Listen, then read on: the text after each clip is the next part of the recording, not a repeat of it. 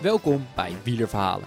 Een serie van Wat Als, de wielerpodcast, waarbij wij, Marnik, Jeffrey en Niels op zoek gaan naar de mooiste en bijzonderste verhalen uit de wielerwereld.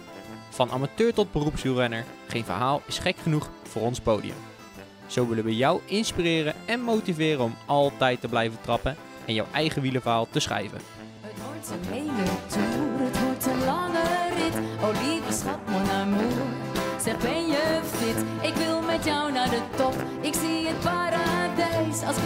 tussenstop. En dan weer vlucht naar Parijs. Ja, welkom bij een eh, nieuwe wielerverhalen, Jeffrey. Ja, waar zitten we Niels? Dat is misschien even, even leuk. Eh, Ja, we zitten in, eh, in Friesland. heel ver van huis. En eh, hoe heet het plaatsje ook weer, weet jij het nog? Bries, Bierisk, Britsum. Britsum, Britsum. bijna. bijna. Britsum, ja. We zijn helemaal naar Friesland toe gereden, want ehm, ja, we gaan een heel mooi wielerverhaal Ja, met iemand ja. opnemen. En eh, niet zomaar iemand, want ditmaal is eh, in de show een oud continentaal renner en een grote aanwinst voor de Nederlandse letteren en poëzie. Inmiddels heeft hij namelijk al twee boeken geschreven. Eh, Corona, Crisis, Chroniek en nog een ander. Eh, zij blijven allemaal goden. En daarnaast ga je nu ook een fantastisch wielerverhaal bij ons vertellen. Dus dat vinden we wel heel erg tof. Eh, welkom, Jeen de Jong. Ja, dank je. Jullie welkom in Britsum. Ja, dank, Ja. dankjewel. First time. Ja. Zou je jezelf willen voorstellen aan, eh, aan onze luisteraars? Ja, ik ben de, de Jane. Ik ben eh 25 jaar. Ik eh, studeer filosofie en ik heb eh, jarenlang gekoerst. Ik denk in totaal bijna 10 jaar. Eh, laatste jaar op eh, continental niveau bij eh Ablak, wat eh, vroeger Monkey Town was. Eh, en ik ben, eh, ja, begin dit jaar ben ik gestapt vanwege eh, blessures. En nu, eh, ja, nu doe ik niet heel veel eigenlijk. Maar gestopt eh, wegens blessures, eh, waar kreeg je allemaal last van?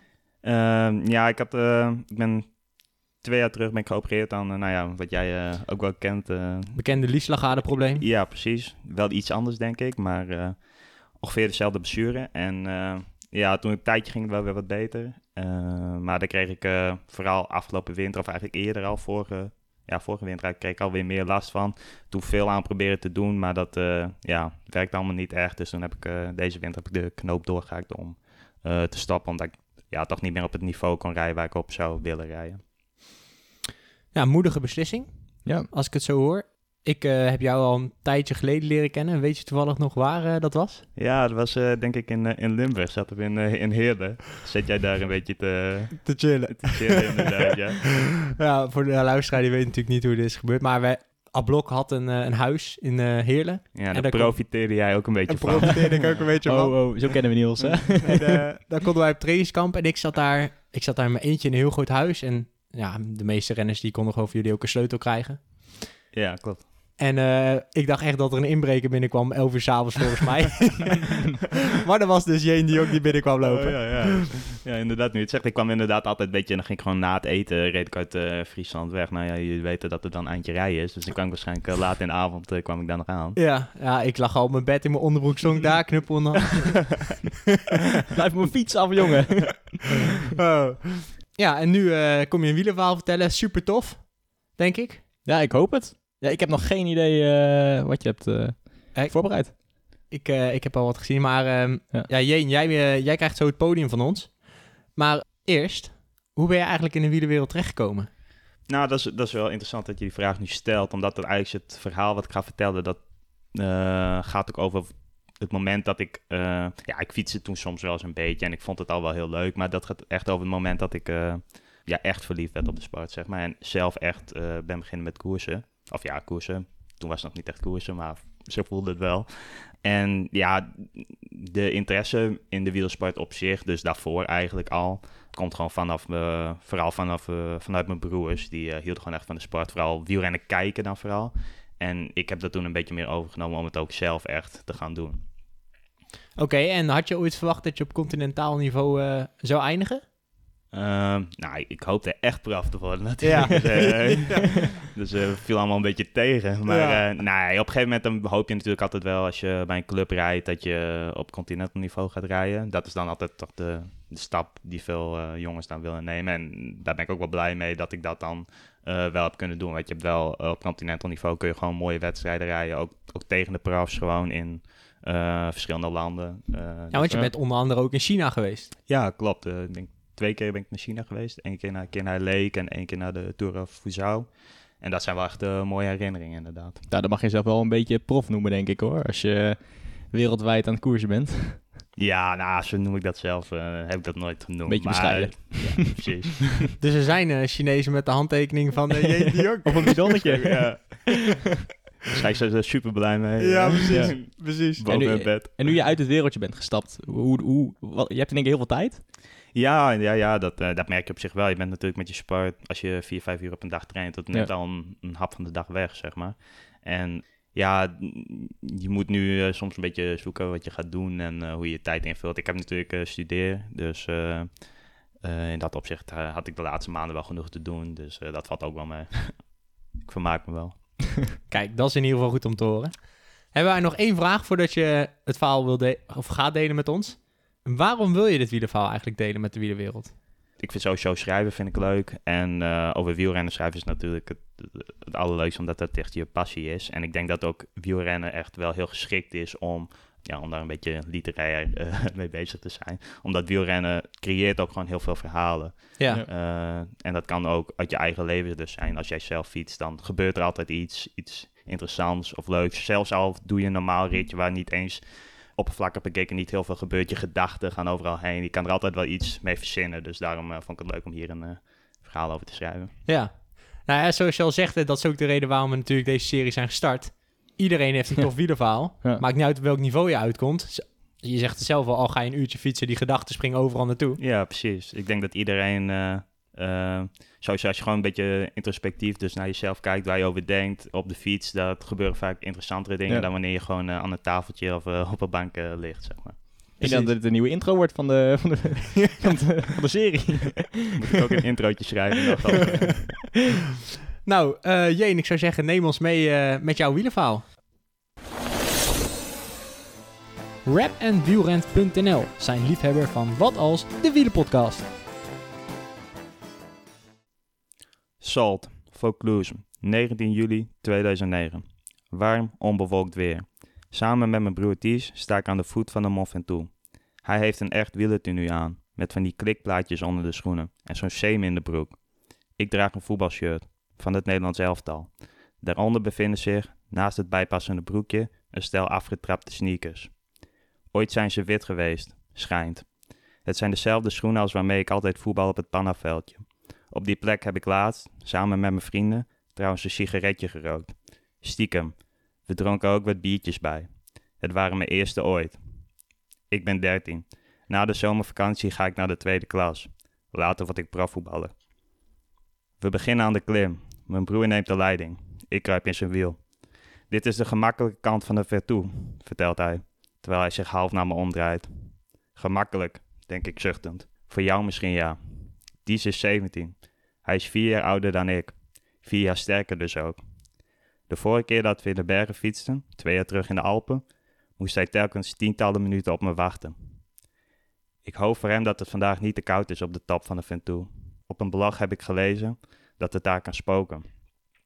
De eerste kilometers van de klim verlopen gelukkig nog vredig. We kronkelen over een niet al te steile weg voorzichtig omhoog, tussen de lavendelvelden door. Ik herken de geur van de paarse bloem dankzij de douchegel in de badkamer en de luchtverfrisser op het toilet. Maar hier, in de Provençaalse hitte, ruikt het beter. Ruikt het echter. De geur past bij de omgeving, net als het vervallen pleisterkleurige huisje dat we op dit moment passeren. Het onderkomen is zo klein dat het lijkt alsof het ineenduikt voor de brandende zon. Afvanderen staat op het krakkemikkige deur. Ik spreek geen woord Frans, maar dat zou wel te koop betekenen. Een likje verf erover en ik zou je best willen wonen. Het leven in het zuiden past bij mijn karakter. Men doet het hier rustig aan, spant zich niet onnodig in en geniet van de goede dingen. Ik vermoed dat de omwonenden deze berg mijden als de pest. Liever liggen ze een beetje bij het zwembad met een goed gevulde baguette en een glaasje wijn. Gelijk hebben ze.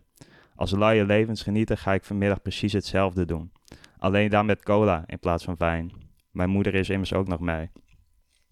We laten de lavendelvelden, de woning en mijn romantische mijmeringen achter ons en zien langzaam maar zeker steeds meer bomen aan ons weerszijden. Qua stijgingspercentage verandert er vooralsnog echter weinig. Waarschijnlijk is dat de reden dat ik nog bij mijn broer kan blijven. Naar Chalet Renard, waar het beruchte maanlandschap begint, zal dat ongetwijfeld anders zijn. Daar schijn je de hel binnen te rijden. De weg loopt er steil omhoog, terwijl de wind er bij tijd en wijle ongenadig het huis houdt. De nu al verschroeiende zon heeft een vrij spel. Beschutting vind je namelijk niet. De man met de hamer wellicht wel. Het komt er immers regelmatig voor dat renners op dit punt letterlijk bezwijken. In 1967 kwam de Britse renner Tom Simpson, als voormalig wereldkampioen niet de eerste de beste, er zelfs te overlijden. Ik verbaas me daarover. Het is me een raadsel waarom iemand zichzelf tijdens een sportwedstrijd zo af wil peigen dat hij er letterlijk bij neervalt. Tegelijkertijd fascineert het me wel.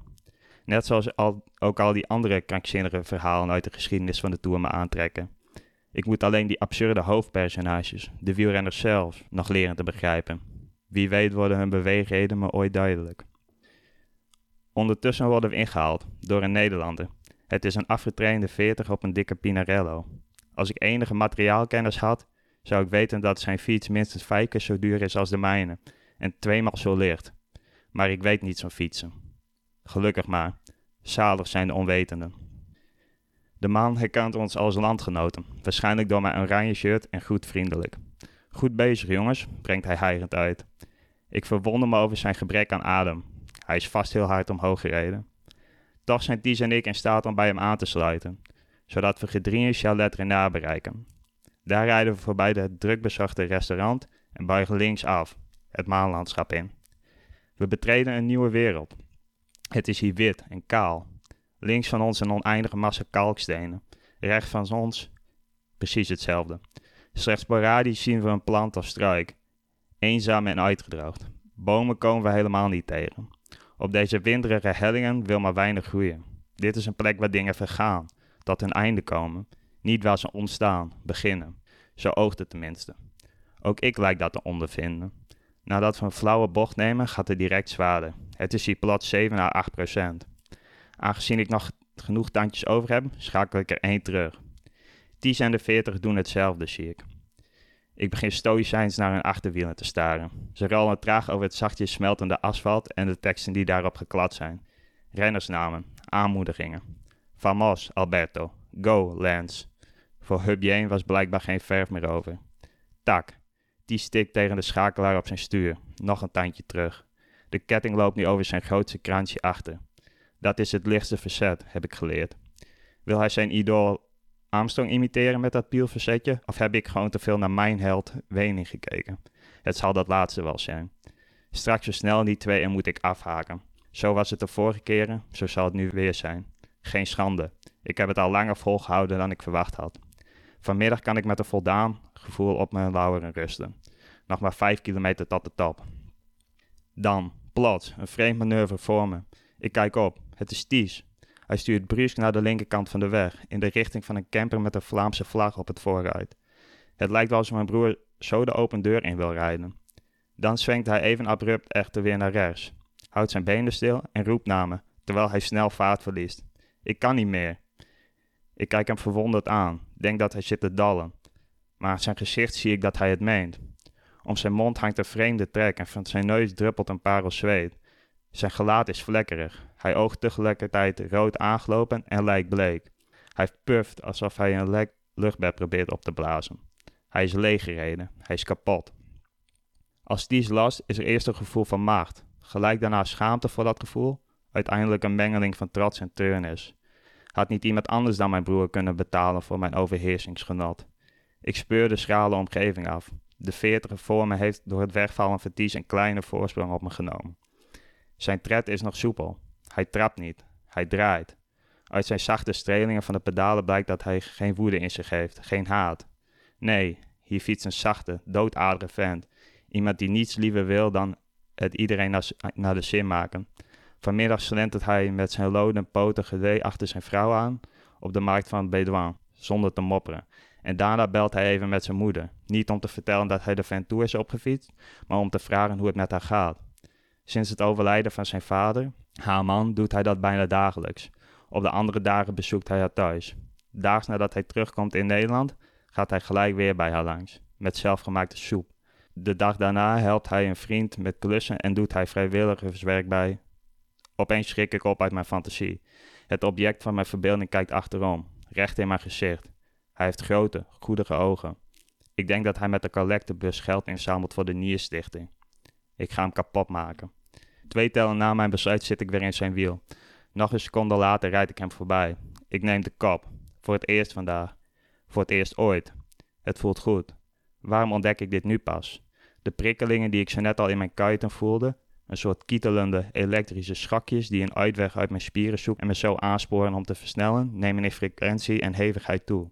Ik ga op de pedalen staan. Ik voer het tempo op. Hoe hard ik precies rijd, weet ik niet. Ik heb geen kilometerteller. Maar daar maak ik me niet druk om. Met het tempo zit het wel goed. Dat merk ik aan alles. Mijn wapperende shirtje in de wind, de suizende wielen, het snelle opeenvolgen van hectometerpaaltjes. Ik heb geen kilometerteller nodig. Ook niet om de afstand naar de top in te schatten trouwens, want ik passeer het monument van Tom Simpson. Nog anderhalve kilometer dus. Godverdomme, hoor ik dan opeens achter me. Vervolgens geschakel, overduidelijk naar een lichte verzet. Nog wat gevloek. Is de filantroop gelast? Ik wil omkijken, maar doe het niet.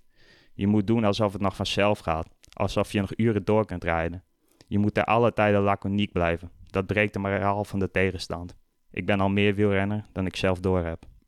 Drie hectometerpaaltjes later. In mijn benen voel ik geen fijne prikkelingen meer. Wel iets anders. Iets minder aangenaams. In mijn keel gebeurt ook iets raars. Staat hij in brand? Allemaal tekenen dat het de hoogste tijd is. Ik moet nu weten of de vriendelijke veertiger er nog is. Ik kijk om. De leegte lacht me toe. Mijn rivaal is verdwenen, verworden tot een klein stipje in de verte. Het lijkt alsof de zon ook hem heeft doen verschrompelen. Opgelucht haal ik adem. Nu kan ik het rustig aandoen, zeg ik tegen mezelf, en lekker op mijn gemakje naar boven fietsen. Leugens, zo blijkt. Allemaal leugens. Het lijf heeft namelijk hele andere plannen. Het heeft net ontdekt wat lijden is, hoe lekker dat is, hoe verslavend. En dus blijven mijn benen malen. Ze hebben een eigen wil en ze willen maar één ding: door. Ik kan dus niet anders dan gehoor geven aan hun geroep en knal de laatste honderden meters omhoog. Voorbij wandelaars, voorbij fietsers, voorbij stapvoetsrijdende auto's, voorbij iedereen eigenlijk. In de laatste bocht, net voor het vuurtorenachtige weerstation, moet ik bijna remmen. Bravo, hoor ik een vrouw roepen. Ik zie haar niet. Ik zie bijna niks. Ik heb mijn ogen vrijwel volledig dichtgeknepen om ze te beschermen tegen een zee van stekend zout zweet. Een zee die vanaf mijn voorhoofd door de dijken dreigt te breken. Het werkt maar half. Ik geef het op. Precies op dat moment, precies op het moment dat ik mijn ogen weer open en me overgeef aan de golven, blijk ik de top te hebben bereikt. Net op tijd. Ik laat me uitballen en kom tot stilstand. Een tijd lang hijg ik uit, diep gebogen over mijn stuur. Dan richt ik me weer op, trek mijn plakkende voetbalshirt uit en gebruik het vochtig vat om drie zweetdruppels van mijn gezicht te vegen. Er komen er tien voor terug. Ik moet lachen. Alles doet pijn, maar ik voel me fantastisch. Beter nog dan na mijn eerste biertjes. Beter nog dan na... na wat dan ook. Ik kijk dankbaar naar het darre decor rondom me. Tuur even triomfantelijk naar beneden en sta dan lange tijd verwachtingsvol in de verte. Ik ben 13. Na de zomervakantie ga ik naar de tweede klas. Later word ik pro-wielrenner. Nou, Jeff, wat vond je ervan? Oh, je ziet wel dat je echt een schrijver bent. Want je dwaalt soms in één keer af van het verhaal. En dan haak je erna weer aan, maar we kunnen wel gewoon meteen meeschakelen, zeg maar. Wat ik bij mij niet had. eh, bij mijn wielerverhaal. Nou, zoals ehm, dat stukje dat je op een gegeven moment over die 40 gepraat. Ja, fantastisch. Ja, ja, ja. ja. Echt super mooi. En hier is dus ook, ja, zoals je al zei, eh, jouw wielercarrière eigenlijk begonnen. Ja, ja, klopt. Het was een beetje... Ja, weet je wat... dat heb ik ook een beetje voor dit verhaal een beetje als thema gebruikt. Want eh, ik, kan, ik durf wel eerlijk te zeggen dat hoe ik dit verhaal op heb geschreven... zo is het natuurlijk niet precies gebeurd. Eh, die veertiger bijvoorbeeld. Ja. Eh, ik kan me nog wel herinneren dat een man, een Nederlander, ons... ik weet niet of wij hem in hebben gehaald of hij ons, dat weet ik al niet meer. Maar we zijn een man tegengekomen die heeft ooit tegen ons gezegd. Maar daar heb ik gewoon nu zelf een verhaal omheen bedacht. Ja. Dus dat wil ik ook natuurlijk een beetje doen met... Dit moet je helemaal niet zeggen, joh. Dit moet je nou, helemaal niet nee, zeggen. maar dat inderdaad. Ja, je moet een beetje de, de maar ze hebben, ze, hebben het nu, ze hebben nu al gehoord. Dus dan, als ze maar op het moment zelf eh geloofden dat het echt was. Maar dat wil ik dus ook een beetje als je schrijft en eh, literatuur. Het gaat mij niet zozeer om hoe het precies ging en of, eh, of het echt waar is. Zolang het maar een beetje, zolang het maar inspirerend is en het verhaal iets met je doet. Ja. En dat vind ik ook, in wielrennen heeft dat als sport natuurlijk op zich ook best wel verwantschap, denk ik, met literatuur. Dat het, eh, het, gaat, het is een inspirerende sport, gewoon de verhalen op zich zijn gewoon belangrijk. Het gaat er niet zozeer om hoe correct dat allemaal echt waar gebeurd is voor mij. dat heb ik in dat boek van me dus ook een beetje proberen te doen. Eh, het gaat er meer om ja, wat zo'n verhaal met je kan doen. En dan moet je het maar een beetje mooier opschrijven dan het misschien echt gebeurd is. Maar de, de kern van het verhaal, dat inderdaad wat je zegt, daar is wel mijn wielercarrière begonnen. En voor mij was die klimming van de Vertoe wel een soort... Eye-opener. eh, ja, een, een belangrijk moment in het leven waarop je een ander, op een andere manier gaat leven eigenlijk. Ja. Door te gaan wielrennen. dus daarna heb je nooit meer een biertje gedronken? Of, eh? Nou, eh eergisteren nog best veel. Kijk, dat verklaart een hoop hier. Ja, want ik zat nog te denken, je, denkt best wel veel naast het afzien eh Ja. van zo'n beklimming. Ja, natuurlijk. Daarom is het ook... Meestal als je fietst, waarschijnlijk denk je helemaal niet zoveel na. Ben je alleen maar bezig met die pijn op zich. ja. Maar als je dat natuurlijk, als je het zo had opgeschreven, dat ik alleen maar eh, denk van wat kut allemaal dit. En, eh, ja, dan was het niet een heel leuk verhaal geworden. Dus je moet achteraf kun je er wel een beetje eh, mee spelen hoe het, hoe het gebeurd is. Maar sowieso, mijn eerste beklimming was ook de Mont Ventoux. Daar is ook mijn, dat was ook mijn eye-opener. Maar op zo'n beklimming denk je wel heel veel na. Dus daar kan ik wel... Kijk, als jij nu de berg zou beklimmen, Niels, dan was het anders geweest. Hij ramt gewoon naar boven. Maar omdat het zo'n eerste, eerste keer is, het is eigenlijk zo van je onmaagding van het wielrennen. Ja, ja, zo zou je het wel kunnen noemen. Ja. Het is wel een, eh, een, eh, ja, een eh, omslagervaring, Ja, zeg maar. Ja, Ja. ja. Ja, de liefde voor de sport heb je daar gevonden eigenlijk. ja, ja, Als het zeker. En ik Ja. denk dat heel veel mensen dat hebben, de, de luisteraars. Want de Ja, Mont Ventoux is een Nederlandse berg, hè? Ik luisterde toevallig eh, het vorige verhaal. Ja, van, eh, Van Guy. eh, ja, en dat ging eh, natuurlijk ook over de Ventoux. Toen Ja. dacht ik, nou, misschien moet ik iets anders pakken. Maar ik vond dit toch wel Ja. voor mezelf wel een, een belangrijk moment, denk ik, in mijn leven. Dus Ja. daarom Ja. heb ik toch weer hiervoor gekozen. Maar hoe ging dat daarna? Na de Mont Ventoux? Was je meteen naar een wielerclub gegaan? Of Nou, dat heeft nog wel een tijdje geduurd eigenlijk. Ik heb... de liefde werd gewoon even onderbroken? ja, nee, dat niet. Ik ben toen wel echt meer gaan fietsen. Maar Ja. eerst gewoon een beetje voor mezelf. En dat vind ik altijd wel een beetje... eh, met voetbal is het natuurlijk altijd... Bijvoorbeeld, ik heb weer vroeger gevoetbald. En dat is gewoon makkelijk. Maar dat heb je in je dorp, heb je gewoon een club. En daar ga je bij. En Ja. je vriendjes doen dat ook. En dat is allemaal wel eh, simpel. En ja, bij wielrennen, ik had niet echt... eh, mijn broers en zo van de wielrennen wel heel leuk. Maar niet zozeer dat... dat die zelf gefietst hebben of bij een club zijn geweest. Dus dan is het lastiger om daar heel snel in contact mee te komen en te weten hoe dat precies werkt. Want je moet een licentie aanvragen en zulke soort dingen allemaal. Dus dat is iets minder gemakkelijk. Dus het heeft denk ik nog eh, Ja. twee jaar geduurd voordat ik echt eh, bij een club Ja. zat en eh, werd- echt wedstrijden reed. Maar het is ook een best een doolhof als je begint met wielrennen, vooral op jonge leeftijd. Ja, En eh, Niels kwam niet uit de wielergezin, ik kwam niet uit een wielergezin. Jij blijft brood niet. nee. En toch zitten we hier met z'n drieën. ja, ja, ja. Over Toch nog goed gekomen. Het is wel Ja. goed gekomen, dus het kan. Kijk, nu hebben wij een handleiding geschetst eh, die je wel een beetje helpt aan het begin van wielrennen. Ja, dus ik denk dat Ja. dat ook heel, eh, Ja. heel handig is dat jullie... eh, Ja. Of dat het heel goed is Ja. dat jullie dat doen gewoon. Want voor veel mensen is toch wielrennen is een iets minder bekende of minder toegankelijke sport Ja. misschien wel. Dus Ja, het is dat wel, vooral. als Ja. daar laagdrempelig over eh, Ja. te vertellen is heel nuttig, denk ik. En je begon met wedstrijdwielrennen op je, in de Nieuwelingen. Dat, hoe oud ben je dan? 16? Ja, 15, ik 16? was 16, denk Ja. ik, ja. Ja, En toen doorgetrokken tot je 25ste. ja. ja. En nu eh, En is het helaas klaar. nu is het voorbij. nou, wie Nee, weet, hè? Wie ja, weet in de ja. toekomst. Nee, ja. kijk, ik, eh, ik heb natuurlijk die blessure en ik zal nooit, denk ik, meer op niveau eh willen rijden waar ik op heb gereden of wat ik zou willen. Maar ja, ik, ik zou nog wel graag gewoon weer een keer eh, gewoon koersen. Ja. Dat is toch een mooi gevoel dan echt. eh, Niels weet dat natuurlijk ook, dat is wel lekker om Ja. gewoon een beetje af te zien in koers. Dus dat lijkt me wel mooi om dat misschien volgend jaar of later ooit Ja. weer te doen. Ja, en daarnaast maak je nu natuurlijk je carrière op een andere manier. Wat doe je precies op? Ja, je, je schrijfcarrière. Ja, Ja. ja, ja, tuurlijk. Ja, nee, dat is, wel, ik, dat is ook wel voor mij een beetje een, eh, een eh, ja, go- goed alternatief. Het is natuurlijk altijd eh, zelf schrijven over wielrennen is nog wel een beetje surrogaat, vind ik, voor echt wielrennen. Dat blijft toch het mooiste. Maar het biedt wel op een andere manier een ja, invulling voor je leven, zeg maar. Ja, want inmiddels heb je nu natuurlijk twee boeken te koop. Eigenlijk, hè? Die staan op bol.com onder andere. Ja, klopt inderdaad. Eén eh, dichtbundeltje en één, eh, ja, meer een... eh, ja, het, het is niet echt een roman, maar het is wel een fictief verhaal eigenlijk, ja. En hoe kunnen we die vinden trouwens? Ja, wat eh, Niels zei, gewoon, eh, de, gewoon de normale webshows kun je vinden. Eh, je kan ook op mijn Instagram kijken, daar staat Ja. gewoon een link naar een, een andere site. Verdien Ja. ik iets meer als je daar bestelt, dus doe dat maar. En wat is je Instagram dan? Ja. Want dan kunnen we bestellen. Eh, gewoon Jeen de Jong, laagstreepje. Laagstreepje niet Ja. vergeten. hij, staat, eh, hij staat ook op onze Instagram, dus eh, dan taggen we jou. Ja, ja, want als je, als je gewoon Jeen de Jong intypt, dan krijg je vast allemaal andere de Jong. ja daarom. Ja.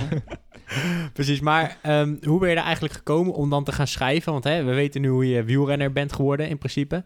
Maar hoe, hoe ben je op je schrijfcarrière gekomen? Heb je altijd al voor gestudeerd? Of eh, Nee, nee, ik, ik ben ook gewoon, eh, in dat opzicht ben ik gewoon echt een eh, amateur ook. Gewoon, ik, eh, ik doe gewoon maar wat. Maar ik denk dat je met schrijven, en ehm, dat heeft echt te maken met, ik hou ook gewoon van lezen. En ik hou gewoon van, ik kan echt van genieten als iemand iets mooi op kan schrijven op een mooie manier. Eh, en dan probeer je dat toch een beetje na te bootsen, zeg maar, denk ik. Of eh, Ja. eh, daarvan te leren hoe andere schrijvers dat doen. Oké. Met, met jouw toffe verhalen van, Ja. vanuit de wielerwereld natuurlijk. Ja, nou ja, ik denk wel als je eh, gekoerst hebt, of ja, misschien niet eens gekoerst, maar gewoon als je fietst, dat je, nou ja, wat ik zo net ook al zei, dat je er heel veel meemaakt en daar op een interessante manier wel naar kunt kijken. Dus dat Ja. je daar, eh, en als je dat eh, op een leuke manier op kan schrijven, dat dat best interessant Ja. is om te lezen. Ja, zeker. Zeker vooral als, als niet-wedstrijdrenner kun je toch een beetje meeleven met wat jij hebt eh, gedaan, bijvoorbeeld in China. Ja, precies. Ja. Ja, dus mocht je meer uh, wielerverhalen van eh Jeen willen lezen, dat kan. Want eh, zijn boeken staan gewoon online. Ja. En die boeken heten, ja, ik heb het al een keer gezegd, maar eh, Ja, één één is dus een dichtbundeltje, dat eh coronacrisis chronieken, of chroniek, ik weet het dus echt niet meer. of, wat ik, ja, maar dat is ook een beetje, dat, eh, dat is ook... eh, want dat is dus- geboren vanuit de coronacrisis. Ja, het was in het begin van de coronacrisis heb ik wat gedichtjes geschreven erover. Ja. En daarna, later dus, deze afgelopen winter ben ik heel veel bezig geweest met een, eh, een boek over de Tour de France. Een eh, fictieve Tour de France is het, met alle... ehm, ja, het is eigenlijk een soort verslag van de Tour de France... waarin alle mm, wielerhelden uit het verleden tegen elkaar fietsen. En Ja. alle verhalen uit het verleden, uit de Tour... dat die weer bij elkaar komen eigenlijk. En die heet eh, Zij blijven allemaal goden. Kijk. Kijk, Jeen, even terugkomend op, jou, eh, op jouw wielerverhaal. Ehm, wat eh, zou je graag willen meegeven aan de luisteraar?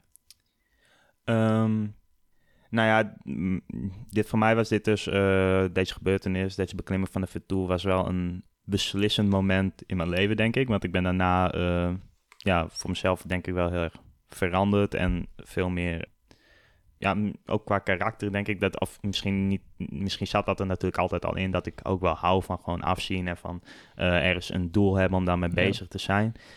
En ik denk dat iedereen heeft waarschijnlijk wel een moment in zijn leven waarop die eh, een andere weg inslaat en eh, voor een bepaald leven kiest of een bepaalde eh, doel gaat najagen. En misschien is het soms wel goed om terug te keren naar dat moment, wat ik nu dus in dit verhaal ook heb gedaan.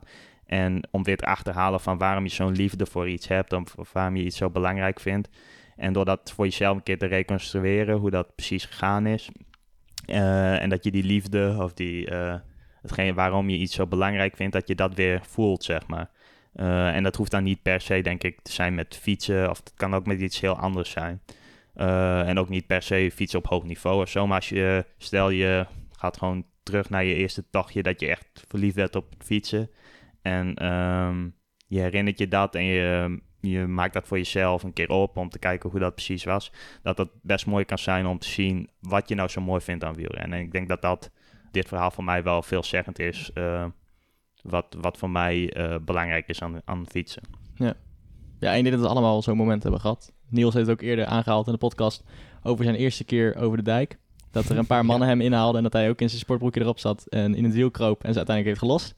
ik denk dat voor jou dat ook wel een moment was dat je wel echt dacht van, nou, dit is wel echt heel erg leuk. Ja, en uiteindelijk haal je er ook weer je plezier uit terug. Ja.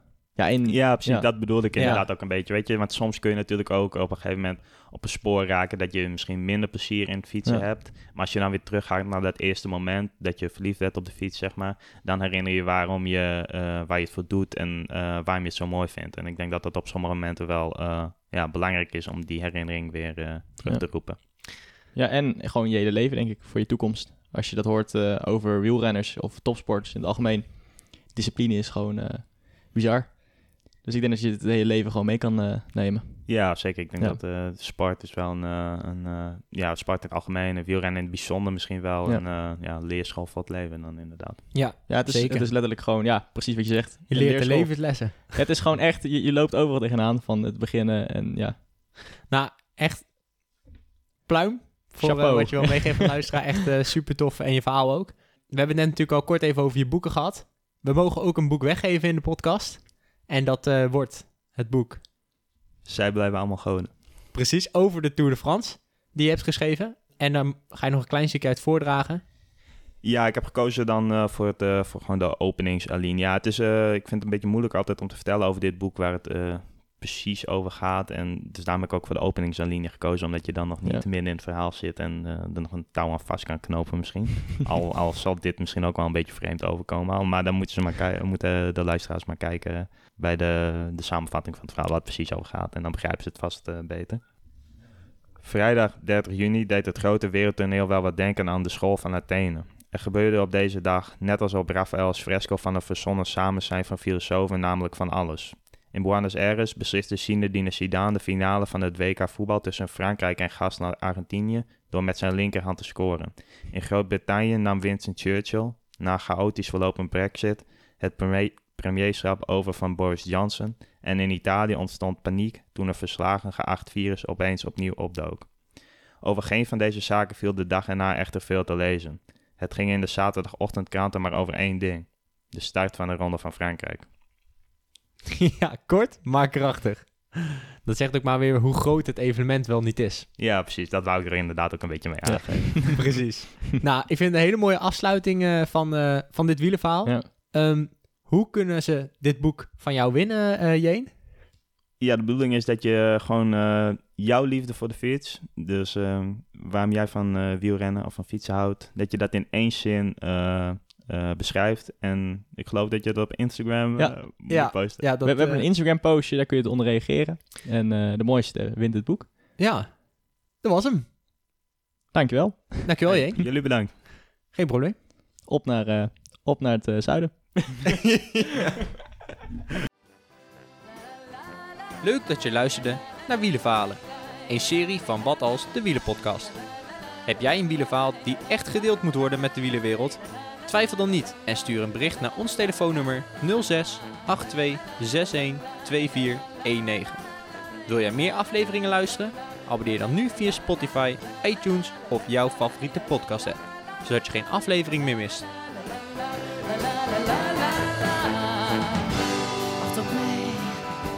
Ken jij meer wielerliefhebbers die deze aflevering absoluut niet mogen missen? Deel hem dan of laat een review achter, zodat ook andere wielerliefhebbers ons weten te vinden. Nogmaals bedankt voor het luisteren en hopelijk tot de volgende keer. Oh mon amour, mon amant, zo lekker nat van het zweet. Ik zoen je en passant, je t'aime dat je het weet. Ga niet te snel voor mij, die wijn, die canapé. Alles wacht op jou, ja, op de Champs-Élysées. En ik ga met je mee, naar de Midi-Pyrénées. Ga niet te snel voor